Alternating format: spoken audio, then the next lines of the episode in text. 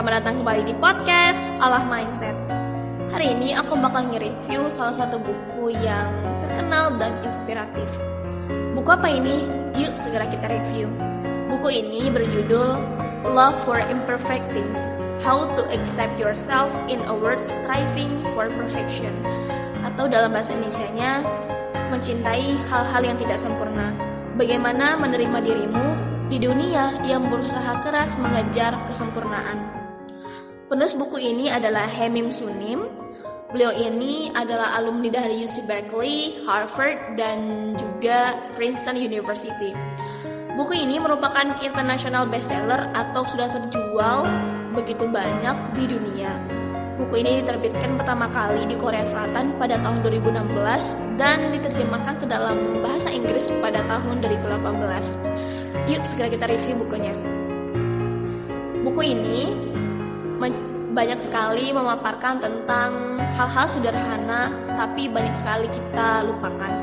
Salah satu yang menurutku menarik adalah cerita tentang pertemuan Hemim Sunin dan temannya dari universitas dulu di Auckland. Teman ini bercerita kepada Hemim Sunin bahwa dia sudah mengalami anxiety cukup lama dan anxiety itu malah semakin bertambah parah. Temannya ini adalah sesosok orang yang sangat workaholic atau sangat menggilai kerja dan kegilaan dia bekerja ini bahkan membuat dia kesulitan untuk tidur. Bahkan setelah larut malam pun dia sudah tidak bisa tidur lagi karena memang seharian bahkan semalaman dia menatap layar komputer. Dan yang lebih menyulitkannya lagi, anxiety ini semakin parah ketika dia tidak melakukan apa pun atau dia tidak bekerja akhirnya dia menceritakan tentang masa kecilnya ketika dia memiliki seorang ayah yang sangat juga workaholic atau menggilai kerja dan ayahnya ini melampiaskan stres kerjanya tersebut ketika dia pulang ke rumah. Ketika ayahnya ini mabuk dan di dalam rumah dia memukuli temannya ini dan dan juga saudara-saudaranya dan lebih menjadikannya lagi ibunya malah melarikan diri atau kabur dari rumah ketika sudah tidak sanggup menahan kekerasan yang dilakukan oleh ayah temannya Hamim Sunim tersebut. Hamim Sunim itu juga bercerita bahwa dia menyadari betapa sibuknya ayahnya tersebut, tapi dia mengetahui juga bahwa tanggung jawab dia adalah untuk melindungi saudara-saudaranya walaupun dia juga mendapatkan pukulan dan juga kekerasan dari ayahnya tersebut. Lalu Hemim Sunim ini berkata, setiap orang memiliki berbagai perbedaan dan beragam kondisi yang sangat sulit untuk mengambil kesimpulan. Tapi yang bisa aku pastikan adalah kamu pasti ingin sekali membahagiakan dan membanggakan orang tuamu, terutama ayahmu. Karena itulah banyak sekali anak-anak dari orang tua yang sibuk bekerja, anak-anak tersebut berusaha mati-matian untuk melakukan hal-hal luar biasa, berprestasi, dan ingin membanggakan orang tua karena ingin mendapatkan cinta dari orang tua mereka. Tapi pada kasusmu sendiri, ketika ayahmu sudah meninggal dan kamu ingin mendapatkan pengakuan tersebut tapi tidak mendapatkannya, akhirnya kamu mencoba mendapatkannya dari orang-orang di sekitarmu dengan bekerja keras dan mendapatkan pengakuan. Dan cobalah cobalah lihat kembali ke dalam dirimu dan hatimu ada seorang anak kecil, yaitu dirimu di masa kecilmu bahwa dia ingin dipeluk dan ingin diterima keberadaannya. Bahwa mungkin selama ini kamu selalu mengacukannya dan mengabaikannya. Lihatlah ke dalam dirimu sendiri dan lihatlah ke dalam lihatlah anak kecil tersebut. Apa yang sebenarnya dia inginkan dan apa yang sebenarnya dia butuhkan sehingga kamu mengetahui solusi dari segala ketakutan dan kegugupanmu selama ini. Dan lagi, kamu tidak perlu melakukan banyak hal-hal besar untuk dicintai, karena keberadaanmu sendiri sudah layak untuk dicintai dan mendapatkan kepedulian dari orang lain. Buku ini bagiku menyentuh banget dan pas aku baca beberapa halaman awal, mataku tuh sudah berkaca-kaca karena kata-kata yang ditulis juga oleh Hemim Sunim dalam buku ini selain menginspirasi juga membuat hati kita tuh terenyuh bahwa betapa banyak banget hal-hal sederhana dan hal-hal kecil yang selama ini kita lupakan dan kita abaikan ternyata hal tersebutlah yang sangat memberikan makna dalam hidup kita. Bagi teman-teman yang kurang suka atau belum bisa menikmati buku aku sarankan banget baca buku ini karena bukunya selain bukunya singkat banget dan juga jadi satu bab itu biasanya Hamim Sunim cuma menjelaskan suatu topik itu 2 sampai 5 halaman. Lalu setelah itu halaman-halaman selanjutnya akan diisi dengan kata-kata singkat atau kata-kata mutiara, kuat kita bilangnya.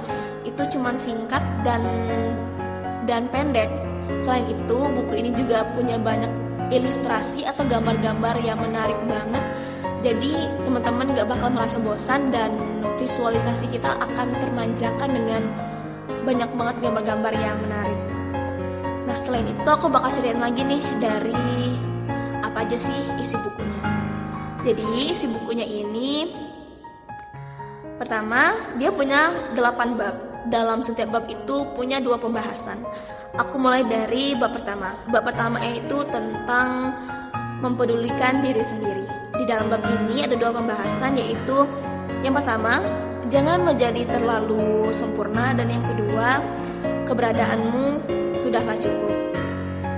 Salah satu kuat yang aku dapatkan dari buku ini adalah jika seseorang kesulitan atau tidak bisa memikirkan kelebihan dari dirinya sendiri, mungkin bukan karena dia tidak mendapatkan cinta yang cukup, tapi dia merasa bahwa dunia ini terlalu dingin dan tidak peduli dia akhirnya berakhir menjadi seseorang yang sangat fokus kepada dirinya sendiri dan hanya mempedulikan dirinya sendiri. Jika dalam hidupmu kamu menemukan seseorang yang egois, jangan membuat jangan membuat hal-hal yang mem, jangan menyulitkan hidupnya. Lihatlah ke dalam dirinya dan lihatlah ke dalam lukanya dan cobalah untuk memahami dari mana luka tersebut berasal. Bab kedua berjudul keluarga. Dalam bab ini membahas tentang pertama, tolong jagalah ibumu, yang kedua, pahamilah ayahmu. Hadiah terbaik yang bisa diberikan orang tua kepada anak-anak mereka adalah menjadi bahagia dari mereka sendiri. Jika orang tuanya bahagia, maka anak-anak mereka akan tumbuh dewasa dalam kebahagiaan dan kepercayaan diri. Jika orang tua tidak bahagia, maka anak-anak mereka akan merasa tidak berguna dan tidak mampu untuk membuat orang tua mereka bahagia dengan cara apa pun.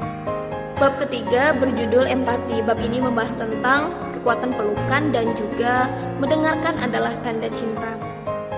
Aku berpikir proses dari aku berpikir proses dari menyembuhkan berawal dari ketika kita membuka hati kita dan mendengarkan secara dalam.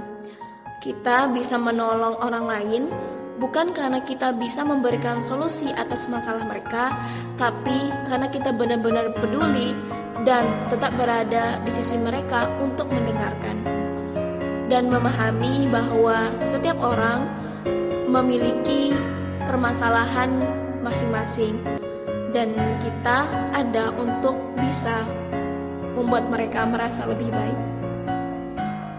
Bab keempat berjudul Relationships atau hubungan. Di bab ini membahas tentang bagaimana berdamai dengan kekecewaan dan juga tentang pengalaman Hamim Sunim yang menjadi seorang biarawan. Jangan mengkomplain atau membenci seseorang yang tidak bisa memberikan segala yang kamu inginkan. Permasalahan sebenarnya adalah ekspektasi yang kamu berikan atau yang kamu punyai terhadap orang lain. Memangnya ada orang yang selalu bisa memberikan semua yang kamu inginkan. Tidak ada orang seperti itu di dunia ini. Bab kelima ini berjudul keberanian. Di bab ini membahas tentang untuk teman-temanku yang aku cintai dan kegagalan pertama. Kegagalan adalah satu hal yang semua kita alami. Ketika kita merasa gagal atau ketika kita mendapatkan kegagalan, kita semestinya belajar dari kesalahan tersebut dan menjadi lebih bijak. Kegagalan merupakan suatu kesempatan bagi kita untuk berpikir kembali tentang kehidupan dan juga bagaimana kehidupan itu memberikan proses terhadap mental dan juga spiritual kita. Bab keenam ini berjudul penyembuhan, membahas tentang pertama ketika pengampunan terasa sangat sulit dan yang kedua Hemin aku merasa depresi. Di bab ini juga Hemin menceritakan kisah tentang seorang temannya yang mengalami depresi. Temannya ini ternyata adalah seorang yang sangat sukses. Jadi selain dia menguasai begitu banyak bidang dari olahraga hingga musik, teman ini juga diterima di universitas top di dunia dan bahkan akhirnya bekerja di salah satu perusahaan terbaik dan terkenal di Korea Selatan. Setelah bekerja 10 tahun, dia akhirnya mendirikan firmanya sendiri. Jadi jika didefinisikan tentang kesuksesan, temannya ini sangat sukses. Lalu ketika mereka setelah makan, temannya ini menyatakan atau bilang kepada Hemim Sunim bahwa aku merasa depresi. Lalu Hemim Sunim ini bertanya kembali, bukankah kamu sangat sukses? Begitu banyak orang yang menginginkan menjadi diri, menjadi seperti kamu. Lalu Hemi bertanya seperti ini, Bukankah kamu sudah bekerja begitu keras bahkan menjadi tulang punggung keluargamu dan sekarang sudah mencapai kesuksesan? Lalu mengapa kamu bisa merasa seperti itu? Lalu temannya ini menjawab seperti ini. Di rumahku atau hidupku memang terasa sangat sulit dan keras sejak kecil. Aku hanya hidup dengan ibuku dan sudah menjadi tulang punggung sejak kecil. Jika aku tidak berusaha keras dan bekerja mati-matian, aku tidak akan pernah bisa membahagiakan ibuku. Lalu Hanum Sunim bertanya, apakah hanya seperti itu atau hanya itu? Lalu dia menjawab lagi, sebenarnya salah satu yang membuatku sangat menggilai untuk bisa sukses adalah karena bibiku. Dari kecil, bibiku selalu menghina dan mengejek ibuku, mengatakan bahwa orang miskin seperti kami tidak akan pernah bisa bahagia, tidak akan pernah bisa sukses, dan tidak akan pernah bisa menikmati hidup. Bahkan bibiku sendiri sering sekali mengatai ibuku dan kata-kata yang sangat membuatku membencinya dan di situlah aku bersumpah bahwa nanti aku akan tunjukkan kepada dia bahwa aku juga bisa sukses dan dia yang akan merasa menyesal atas kata-katanya tersebut. Hingga sekarang aku tak pernah mengampuninya dan masih membencinya. Lalu Hemim Sunim bilang, cobalah temui dia dan bicara, bicaralah secara langsung. Ada hal-hal yang mungkin tidak kamu pahami atau mungkin ada hal-hal yang perlu kalian katakan dan tidak pernah kalian katakan selama ini. Ketika kalian berkomunikasi dan berbicara satu sama lain, mungkin kalian akan menemukan solusi dari segala kebencian yang timbul tersebut. Beberapa hari kemudian, temannya ini mengirimkan email kepada Haimim Sun yang mengatakan bahwa terima kasih sudah mem memberitahuku atau memintaku dan memberiku saran untuk mengunjungi rumah bibiku tersebut. Memang bibiku sudah la sudah lama meninggal, tapi ketika aku mengunjungi rumahnya, akhirnya aku bisa memaafkan bibiku tersebut karena pada akhirnya aku mengetahui bahwa dia sudah mengalami dan sudah menahan begitu banyak rasa sakit dan luka dalam hidupnya. Dia bahkan mengalami kehidupan yang begitu sangat tidak membahagiakan. Ia memang suaminya sangat sukses, tapi ternyata suaminya berselingkuh dan akhirnya dia merasa dan akhirnya bibinya merasa kesepian dan merasakan kebencian dari memiliki seseorang yang dia cintai ternyata berkhianat.